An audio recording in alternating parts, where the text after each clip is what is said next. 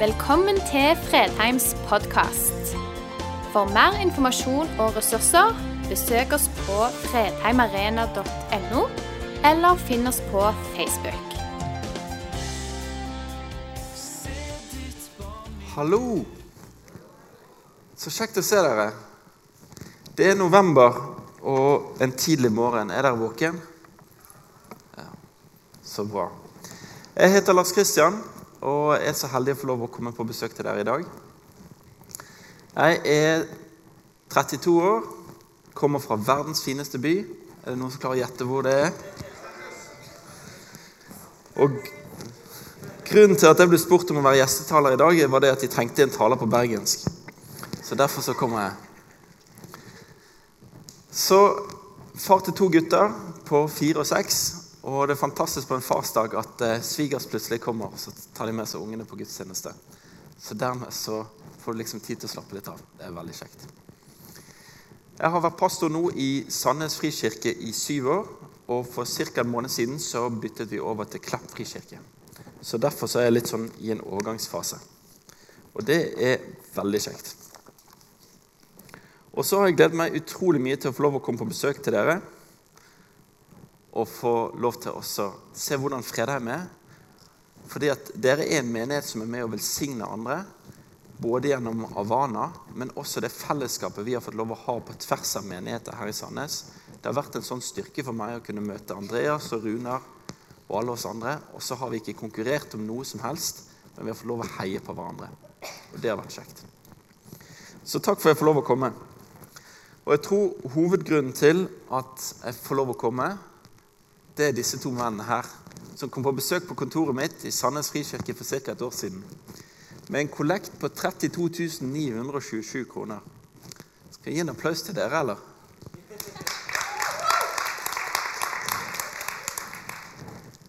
Og i Sandnes frikirke så har vi hatt en vei hvor ting har gått nedover i mange år. Og så har vi klart oss å snu skuten til at det går oppover igjen. Til folk sier det at 'yes, nå kan vi være med og forandre verden'. Og Noen av dere vet sikkert det, men når du liksom skal få den der kurven fra å gå nedover til å gå oppover, så er det siste som kommer på plass, det er økonomien. Så takk til dere som var med og heide på oss, og var med og gjorde det mulig å få lov å komme forbi kneiken. Det er jeg veldig takknemlig for. Så jeg skal hilse så mye fra Sandnes frikirke og så si tusen takk. Det var mange som hadde lyst til å være her i dag, men, men de hadde en egen gudstjeneste i dag, og derfor så krasjet det.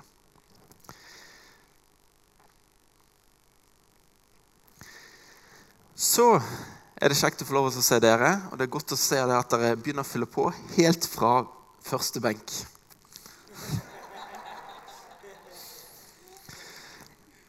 Andreas han spurte meg i juni om jeg kunne komme og tale fordi det var mange lederskap her som dro på lederkonferanse i Bergen. Og det er jo fornuftig. Og jeg vet ikke om jeg skal ta det som et kompliment å bli spurt fordi at eh, da slapp han å høre på meg sjøl. Eller om han tenkte dette kom til å gå bra. Men det finner vi ut av. Så jeg hadde egentlig tenkt å ta temaet 'Når katten er borte, så danser musene på bordet'. Men kanskje må vi finne noe annet å snakke om. Hvordan ser det ut å ha en relasjon med Jesus? Det har vært et spørsmål som, har balt, som jeg har balt og jobbet mye med. Hvordan ser det ut å ha en relasjon til noen som vi ikke kan se? Hvilken relasjon skal vi ha? Er han oppdragsgiveren vår? Er han en fjern slektning? Noen har sagt det sånn at Gud har mange barnebarn. Fordi at det er mange som har vokst opp med Gud som bestefar, og så har de ikke klart å få helt den relasjonen på plass. Og I en menighet som Fredheim, som ikke er helt ulik de menighetene som jeg er vant med, og som jeg kommer fra, så er det så fort gjort at vi blir oppslukt av den tjenesten vi skal få lov å være med å tjene hverandre. Vi skal få lov å være med på noe stort. Og så blir vi liksom sittende litt fast i den tjenesten. Hvordan ser det ut å ha Gud som både oppdragsgiver og venn og far? Hvordan forstår vi dette? Jeg vokste opp i en kristen familie. og hatt en god oppvekst både hjemme og i menighet. Og så fikk jeg lov å bli med i ungdomsarbeidet hjemme i Bergen frikirke. Og jeg elsket å være med. Og som 14-åring så fikk jeg en lederrolle.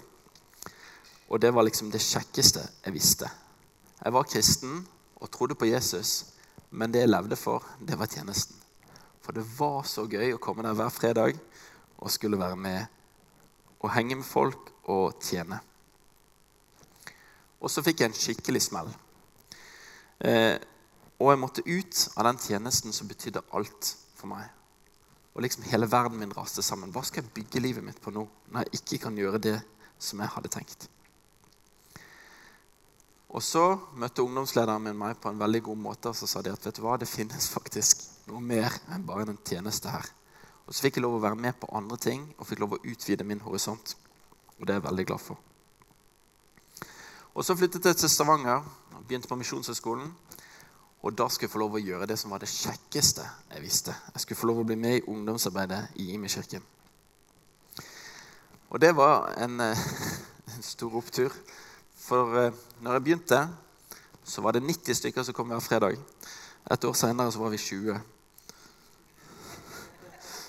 Så det var litt sånn skikkelig, skikkelig bang. Og så ble den greien, Det var mange forskjellige faktorer som gjorde at det raste sammen. Men da ble greien at da skulle jeg gjøre alt jeg kunne for å holde det oppe. Fordi at dette var mitt ansvar, det var min tjeneste. Jeg måtte jobbe for å holde det oppe. Og så opplever jeg at Gud sier til meg at jeg skal ta ett års pause.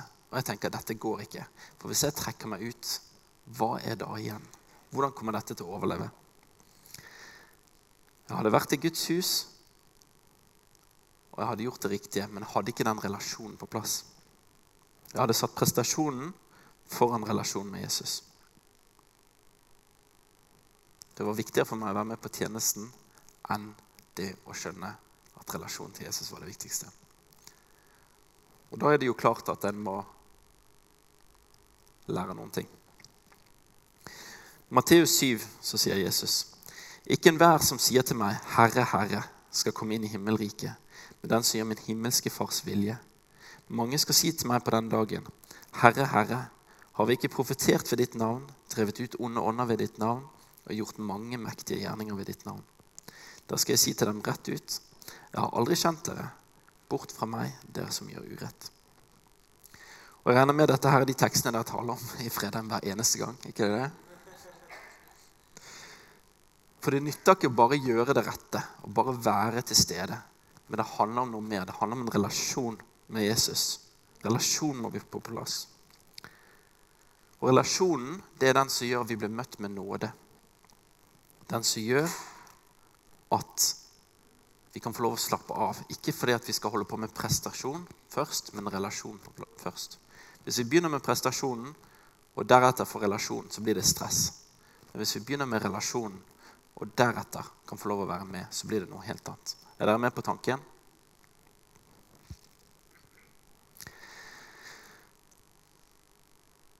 Og så kommer den greien. Hvordan skal vi forholde oss til dette? I lutherske sammenhenger så er det fort gjort at vi snakker om nåden, og så glemmer vi også overgivelsen. Fordi vi må få lov å overgi livet vårt til Jesus. Få lov å bygge røttene våre på plass i den relasjonen.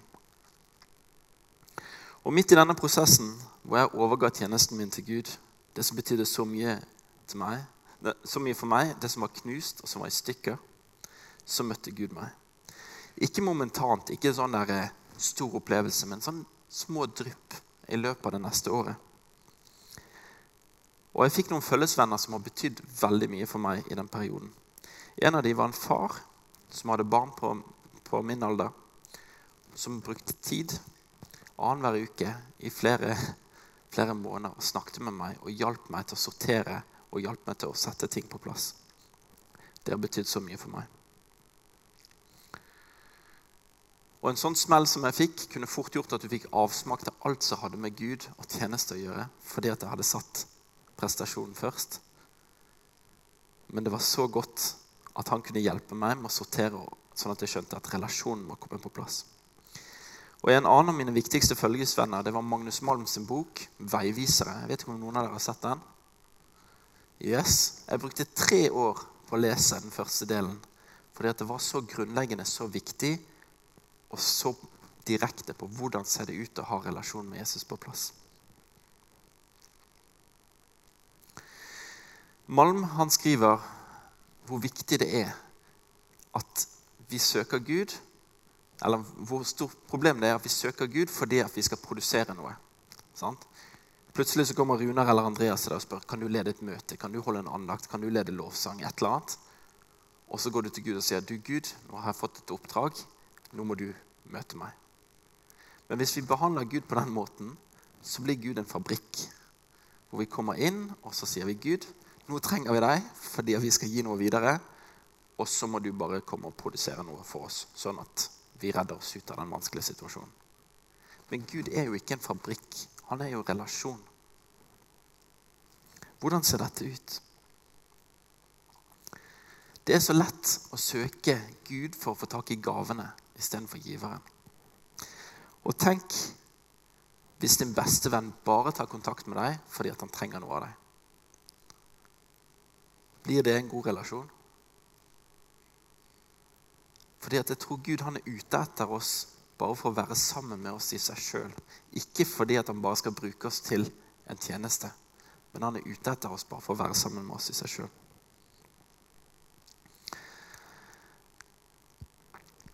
Og jeg kjente det at det var befriende å få lov å kunne overgi livet mitt til Gud. At han skal få lov å være herre i livet mitt. Og at han ikke bare er ute etter at jeg skal prestere noe, at jeg skal gjøre noe, at jeg skal være flink. Men han er ute etter å gjøre noe godt i meg bare for å gjøre noe godt i meg. Er dere med på tanken? Jeg syns det er veldig spennende med masse filmer. Og alle disse filmene de har den samme storyen, egentlig. Hvis du tenker over det. sant? Du har det gode som møter det onde. Og så er det sånn i løpet av filmen at de onde holder nesten på å vinne. Og så klarte de ikke å vinne likevel, og så vinner de gode. Ikke det sånn cirka de fleste filmene er? Ja.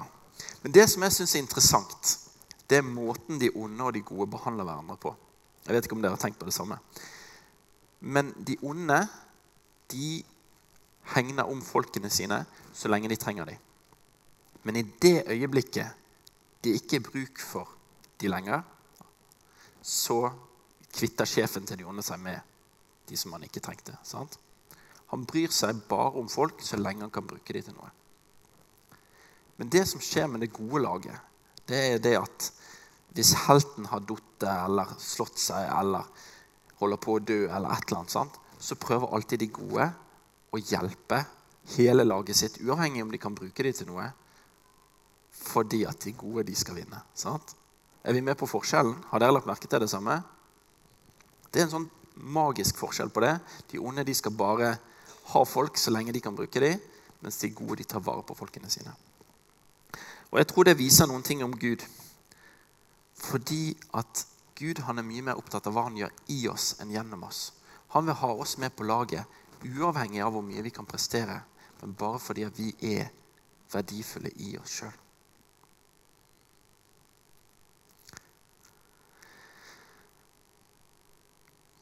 Og så er jeg så glad fordi at Gud han er ikke bare opptatt av å ha oss på sofaen, men han har lyst til å ha oss med på et spennende liv hvor vi kan få lov til å se nye ting med han. Men da må relasjonen være først på plass. For ellers så begynner vi å streve. Ellers så begynner det å bli sånn at vi gjør tjenesten for Gud for at han skal like oss. Og det funker ikke. For hvordan klarer vi å imponere Gud, som har gjort alt mulig? Det er jo han som har skapt verden og reddet verden.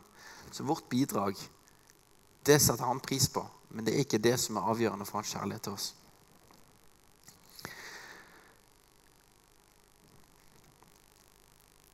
I masteroppgaven min så fikk jeg lov å skrive om denne relasjonen til Jesus. Og så fikk jeg det bildet datt ut. Og så fikk jeg lov til å fokusere på to bibeltekster som forteller meg mye om denne relasjonen. Det er Lukas 15 og Johannes 15. Og så kommer jeg til å snakke om disse to tekstene nå på slutten. Eller andre delen av talen. Og Den første teksten er Johannes 15. Og Dette her er en av de siste tekstene Jesus sier til disiplene før han skal bli korsfestet og dø. Det er på en måte en avskjedstale som varer i mange kapitler.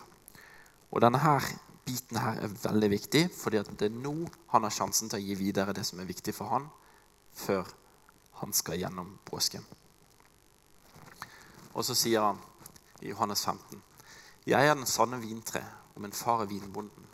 Hver grein på meg som ikke bærer frukt, tar han bort, og hver grein som bærer frukt, renser han, sånn at han skal bære mer. Vi er greinene, og han er treet, og vi er kalt til å bære frukt. Det er riktig med tjeneste. Og hvis vi ikke bærer frukt, så tar han oss vekk. Han renser også de greinene som ikke bærer frukt. Men så ber han oss om å bli i han. Og det er det som er viktig.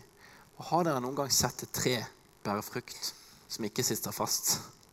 Eller et grein som bærer frukt som ikke sitter fast på et tre? Du må liksom ha den sammenhengen på plass. Og Teksten er på en måte litt forvirrende, men samtidig, når vi kommer inn i den, så syns jeg det at han er utrolig dyp og viser så mye viktig om Jesus. Fordi at han viser denne intime relasjonen. Og når vi er koblet på han, så er den relasjonen intim og organisk, som det står i message-oversettelsen. Og hvis vi kobler oss fra han, så kan vi ikke produsere noen ting.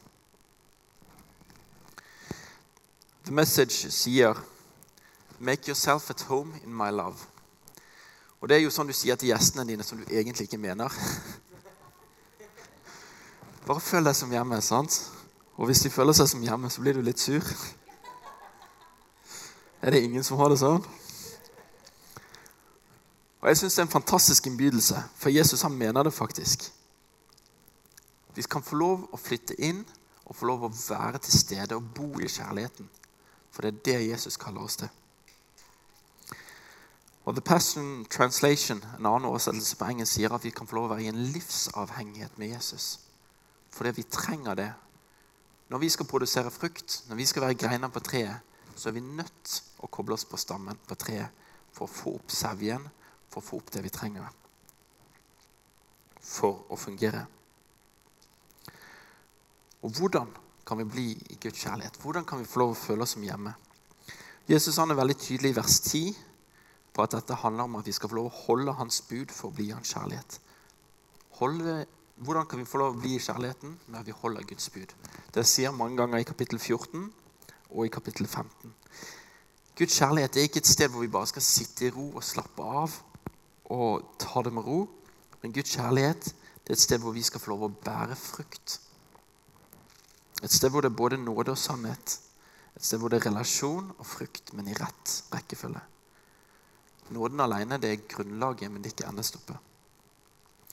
Mike Breen han har gitt oss en god modell synes jeg, på å forstå dette.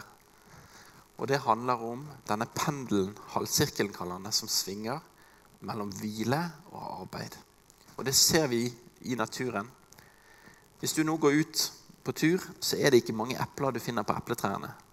Men det er ikke noe gale med epletrærne, er det det? Men de begynner nå å forberede seg for en fase med hvile. Forberede seg på en fase hvor de bygger nedover, og hvor de får lov å utvide seg sjøl, og hvor de får lov å stå sterkt. Og vi trenger den bevegelsen. Fra hvile til arbeid, til hvile til arbeid. Det er det Gud kaller oss inn i. Vi skal ikke bare produsere, for da blir vi slitne, og da blir vi utkjørt. Men det handler om at vi trenger begge deler. For hvis vi bare hviler, så blir vi lat. Hvordan kan vi få lov til å se både arbeid og hvile sammen? For meg så syns jeg det er en god modell å tenke etter. Og En sesong for hvile det kan handle om å få lov å hvile, koble av, slippe ansvar. Eller så kan det handle om vonde ting som sykdom, sorg, arbeidsledighet, vonde omstendigheter i livet som vi må takle. Og Det kan vi få lov å være i. Og så er det viktig det at vi tillater Gud å få lov å være i hvilen, og samtidig også få lov å være i arbeid. Vi kan få lov å veksle. Og så varer disse fasene litt forskjellig tid. Noen ganger skal vi være lenge i hvilen og lenge i arbeid. Noen ganger skal vi være kort i hvilen og kort i arbeid. Men vi trenger den balansen. Det ser vi helt fra skapelsen av. hvor Gud sa det at han hvilte at han hadde skapt verden. Og det første menneskene skulle gjøre, første dagen de var til i verden, det var en hviledag. Hva kan du gjøre i ditt liv for at livet ditt med Jesus ikke skal stoppe opp? For at det ikke bare skal handle om den frukten du skal produsere. Hva kan du gjøre for å unngå kun å hvile, sånn at du ikke får produsert frukt? For at vi skal få produsert frukt, så er vi nødt til å koble oss på treet. Og Det var det jeg fikk erfare i mitt liv. Jeg var nødt til å tenke annerledes. Jeg var nødt til å tenke det at det handler ikke bare om at jeg skal produsere, og at jeg skal gjøre de rette tingene, at jeg skal tjene. Men det handler om relasjon med Jesus først. Det handler om å kunne søke Gud for å søke Gud i seg sjøl. For det er viktig, uavhengig av hva jeg får ut av det. Og Relasjon med Jesus er noen ting som vi ble invitert inn i fordi han valgte å elske oss før vi, vel, før vi kunne elske hverandre. Det har vi skrevet inn i ringene våre. Vi elsker fordi han elsket oss først. Det er den kjærligheten, den sevjen, vi er nødt til å få tak i før vi kan få lov å gi noe videre til andre. Det står i 1. Johannes 4, 19. Og Ved at Jesus døde på korset, så fjernet han den hindringen som var mellom oss og Gud, for å bygge denne relasjonen. Og så har det kommet mange ting som prøver å hindre oss i etterkant, f.eks. skam.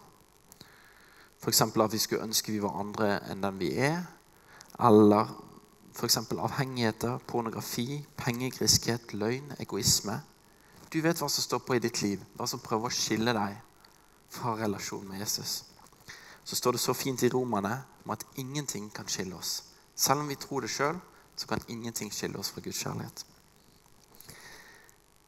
Og i relasjon med Jesus så er det noen ting vi kan få lov å vokse i hele livet. Jeg har sett litt, men jeg er heldigvis ikke utlært. Jeg har ikke lyst til å slutte. Vekst er naturlig. Vi kan få lov å vokse nærmere Jesus og få lov å se mer av ham. Og Et av kjerneversene for meg inni Johannes 15, det er vers 15, som sier Jeg kaller dere ikke lenger tjenere, for tjeneren vet ikke hva Herren hans gjør. Jeg kaller dere venner, for jeg har gjort kjent for dere alt jeg har hørt om min far. Og Dette verset her er så spesielt hvis vi går inn i detaljene. For hvor mange venner av Gud tror dere det var i Det gamle testamentet? Det var to stykker. Det er bare brukt to ganger før dette her i Bibelen om at noen var Guds venner. Og det var Abraham, og det var Moses. Og plutselig så blir vi alle sammen oppgradert fra å være, være tjenere eller slaver, dulos er brukt her, til å få lov å være venner. Og det er en helt annen måte å tenke på. For Gud han oppgraderer oss. Han flytter oss til en helt annen måte å få lov å leve livet på. Vi kan også oversette det ordet med 'bestman', altså brudgommen, sin, eh, sin eh, forlover. Og denne relasjonen den gjør at vi får del i alt det som Jesus har gitt gjennom sin far til oss. Ikke fordi vi skal prestere og vi skal gjøre det rette, men fordi vi får lov å være venner. Amen.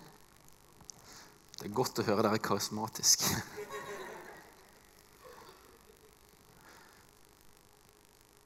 Dette forholdet her, det er så mye sterkere og så mye større enn det å være tjener. Og for meg, når jeg begynte å fatte og begripe noe av det, at Gud har kalt meg til å være venn bare fordi at han har lyst til å henge med meg i seg sjøl, og ikke fordi at jeg skal prestere og gjøre masse ting. Det var en skikkelig øyeåpner, en skikkelig nøkkel for meg. Det kan godt hende dere ikke har det sånn, men eh, jeg hadde det i hvert fall sånn. Så skal jeg gå fort gjennom eh, litt av Lukas 15, som handler om den hjemvendte sønnen. Det var altså en far som hadde to sønner. og Den yngste sønnen ber om arven, og så reiser han langt vekk. Kaster vekk pengene, angrer, drar tilbake igjen, og faren omfavner han. Og Så ble den eldste sønnen sur, og så vil han ikke være med på festen. Dere, er dere med på historien? Og Det er utrolig mange rare ting her som vi kanskje ikke legger merke til første gang. Fordi at det ligger så mye kultur bak her. Og Jeg fant en bok av en som heter Kenneth Bailey. Han hadde reist rundt i Midtøsten så hadde han presentert Jesus sine lignelser for folk i kulturen. Og så hadde han spurt hva betyr dette Og så har han fått så mange interessante svar på hva som egentlig ligger i bånn. Og det første spesielle med dette her, det er at sønnen går og spør faren om å få arven. Er det noen av dere som har hørt om at det har skjedd? Er det noen av dere fedre på farsdagen som hadde blitt glad hvis sønnene eller døtrene kom mens dere levde og spurte du, kan jeg få alle pengene dine? Jubelen står i taket. Kenneth Bailey han fant to eksempler på at dette hadde skjedd. Det ene tilfellet så ble faren så såret at han døde tre måneder etterpå. Det andre tilfellet så ble sønnen kjeppjaget ut av huset, og de ville aldri se ham mer. Og så har du denne her sønnen som stikker av med alle pengene, drar til et land langt vekke. Når faren har gitt vekk alle pengene, hva har han igjen da? Han har ingenting. Og sønnen bryr seg ikke noen ting om hvordan faren har det. Han bare stikker av. Det er litt sånn Han sier at faren skulle vært død med handlingene sine, og så bekrefter han det en gang til. Han er litt sånn Drit i deg, jeg skal ha det gøy. Og så skjer det at han bruker opp alle pengene sine og havner som grisebonde. Griser de kan ikke gå på israelsk jord. Så de stedene de har det, så har de bygd opp 10 cm og lagde sånn plankegolv, sånn at grisene ikke går rett på jorden. For det er jo ikke lov. Så det er en måte å unngå det på. Så han kunne jo ikke dette lenger ned. Det var det verste av det verste av det verste. Så han har brakt skam på familien. Og så kommer han tilbake igjen, og så springer faren mot ham. Og en rik mann på den tiden skal ikke springe, fordi da viser han leggene. Og det å liksom gjøre skam på seg sjøl for å møte sønnen sin, det er ganske utrolig. Og så kommer faren og tar imot sønnen. Han gir han signetringen tilbake igjen. Det vil jo si at sønnen får ny fullmakt til å ta ut alle pengene fra bankkontoen. Det er det første han gjør. Og så slakter han gjøkalven. Er det noen av dere som er med på hva en gjøkalv er for noe? Det er litt sånn rart ord. Men det var en kalv som de hadde gitt veldig spesiell mat, som kunne brukes i to anledninger. Det ene var når den eldste sønnen skulle gifte seg. Og det andre var hvis det kom en høyerestående offiser eller statsbesøk eller noe sånt på besøk. Og de hadde ikke kjøleskap eller ti minusgrader, som vi har her. Så hvis du slakter en gjøkalv, så må du invitere 100-200 stykker på besøk med en gang før maten går i stykker. Og så gjør faren det. Det er helt sprøtt, fordi at hans sønn har brakt så mye skam. Han har sagt at faren skal dø så mange ganger. Og så tar faren han imot og inviterer hele landsbyen. Og landsbyen ville mest sannsynlig drepe sønnen fordi at sønnen hadde brakt skam på familien. Gud sin, som kjærlighet. sant? Som uansett hva vi har gjort, så møter han oss. Tar han oss imot. Uansett hvor mye vi har sløst vekk, så gir han oss tilbake igjen ringen. Og så inviterer han på fest fordi han er så glad for at vi har kommet. Uansett om vi har bakt skam på Gud. Men det som viser seg mest spesielt her, som vi ikke skjønner i norsk kontekst, det er den eldste sønnen. For den eldste sønnen han hadde i oppgave å stå ved siden av faren og ønske alle gjestene velkommen. Så hvis den eldste sønnen var sur på faren for dette, her, så skulle han stått der, smilt fint, ønsket alle velkommen, og så skulle han sagt ifra til faren etterpå. Det har han vært den rette måten å gjøre på. Men det den eldste sønnen gjør, er at han starter en offentlig krangel med sin far foran kanskje 200 gjester. Og sier til sin far hvor dum han er, og hvor mye feil han gjør, og hvor gnien og kjip han er. Og det er egentlig en offentlig skam som du ikke kan gjemme vekk. Som er mye, mye verre enn det som den yngste sønnen har gjort. Og så sier den eldste sønnen at han er så sur på faren fordi han fikk ikke engang et skje, en lam, som han kunne slakte og ha fest med vennene sine. Men den eldste sønnen har ikke fulgt med i timen fordi han har jo fått alt. Faren han delte arven mellom seg. Den eldste sønnen kunne tatt seg til rette når som helst. Og så har han ikke gjort det. Og så slutter lignelsen med at vi ikke vet hva den eldste sønnen kommer til å gjøre. Kommer han til å gå inn på festen, eller kommer han til å gå ut på festen? Og denne lignelsen her er veldig interessant, fordi at noen ganger så er vi som den yngste sønnen, sant? som gjør helt klart synder. Som drar vekk og gjør ting feil. Og så kommer Gud og ønsker oss velkommen igjen. Og mange ganger tror jeg vi er som den eldste sønnen nå, som gjør at vi er i farshuset hele tiden. Vi prøver å gjøre det rette. Og så skjønner vi ikke hvilken nåde og kjærlighet Gud har gitt til oss.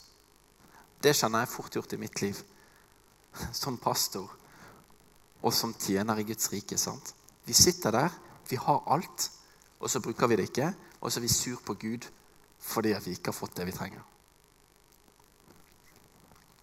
Kanskje er du sånn. Eller kanskje er du som faren som har opplevd grove overtramp. Noen som virkelig har fornærmet deg, virkelig har tråkket på deg. Og så er spørsmålet kommer du til å kaste dem ut, eller kommer du til å stå der med åpne armer og ta dem imot når de kommer hjem igjen? Akkurat sånn som Gud har tilgitt oss. Det har gjort eh, mye inntrykk på Jeg har bare lyst til å lese dette avsnittet, og så skal jeg si en ting til, og så er jeg ferdig. Henry Noven han skriver jeg begynner nå å ane hvor radikalt annerledes min åndelige reise vil se ut når jeg ikke lenger tenker på Gud som en som skjuler seg for meg for å gjøre det så vanskelig som mulig å finne ham, men istedenfor å tenke på Han som en som lengter etter meg, mens det er jeg som skjuler meg. Kanskje er det fort gjort å gjøre det.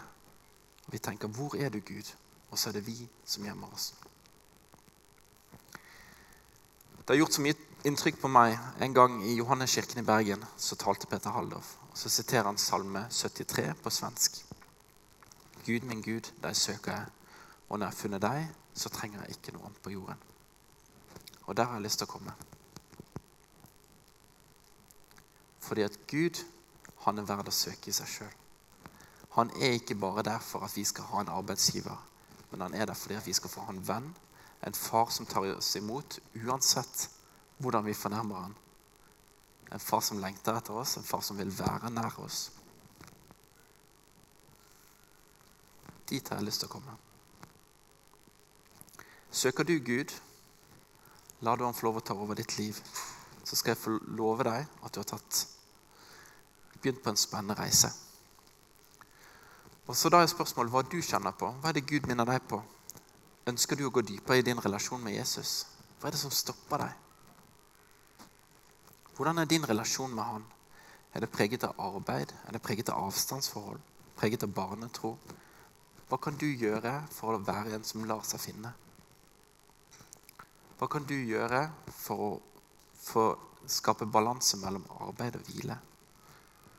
Hvem i lignelsen er du? Er du den yngste sønnen? Er du den eldste sønnen?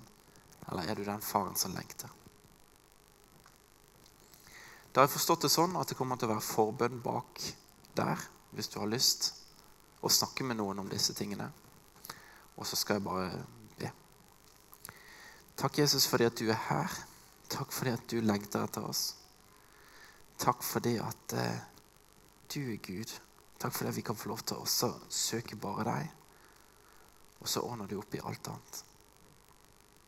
Bare ber om frimodighet til å søke deg for å søke deg i seg sjøl, og ikke fordi vi skal ha noe ut av deg, Jesus.